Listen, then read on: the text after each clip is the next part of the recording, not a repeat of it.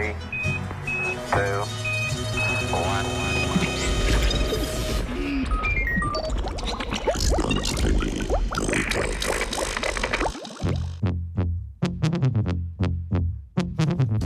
Videoigre, možgani in staranje.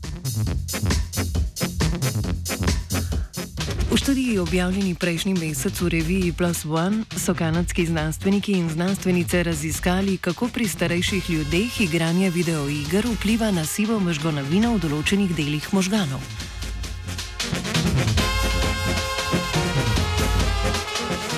Ena izmed ključnih lastnosti možganov je neuroplastičnost. S tem izrazom označujemo sposobnost možganov za prerasporejanje žilčnih poti na podlagi novih izkušenj. V zadnjih letih se je nabralo precej študij, ki so igranje videoiger povezale s premembami v možganih in izboljšanjem določenih kognitivnih funkcij, kot so vidno prostorske funkcije in različne vrste pozornosti. Omenjena študija kanadskih raziskovalcev pa je prva, ki je ugotavljala vpliv videoiger na sivo možganovino hipokampusa starejših ljudi.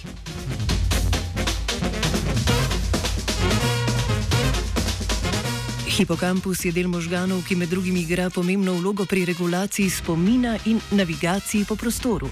Zmanjšanje sive možganovine v hipokampusu je biomarker za različne nevrološke motnje, ki so povezane s staranjem, kot je naprimer Alzheimerjeva bolezen.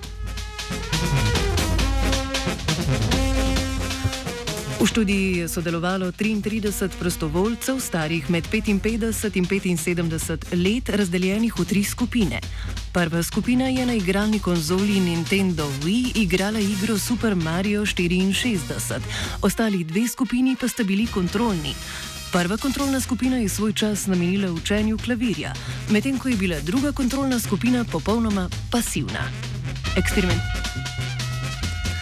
Eksperimentalna skupina se je z igro ukvarjala šest mesecev, petkrat na teden, po 30 minut.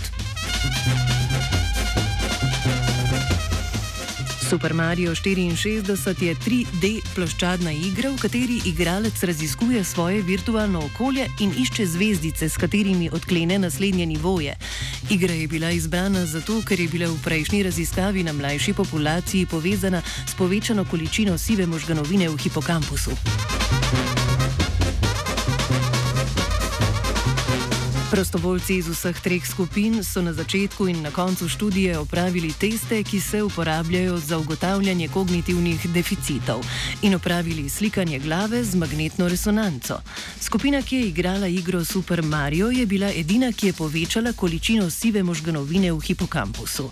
Pri skupini, ki je igrala klavir na hipokampusu, ni bilo nobenih opaznih sprememb, čeprav je bil opazen napredek v drugih delih možganov, medtem ko je pasivna skupina popolnoma nadzodovala, nazadovala.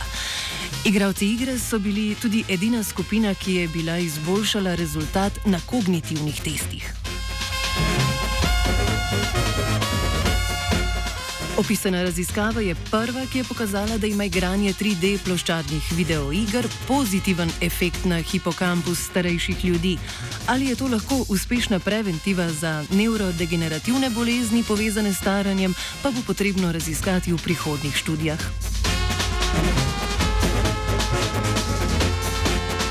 Z možgani in videoigrami se je ukvarjal črt.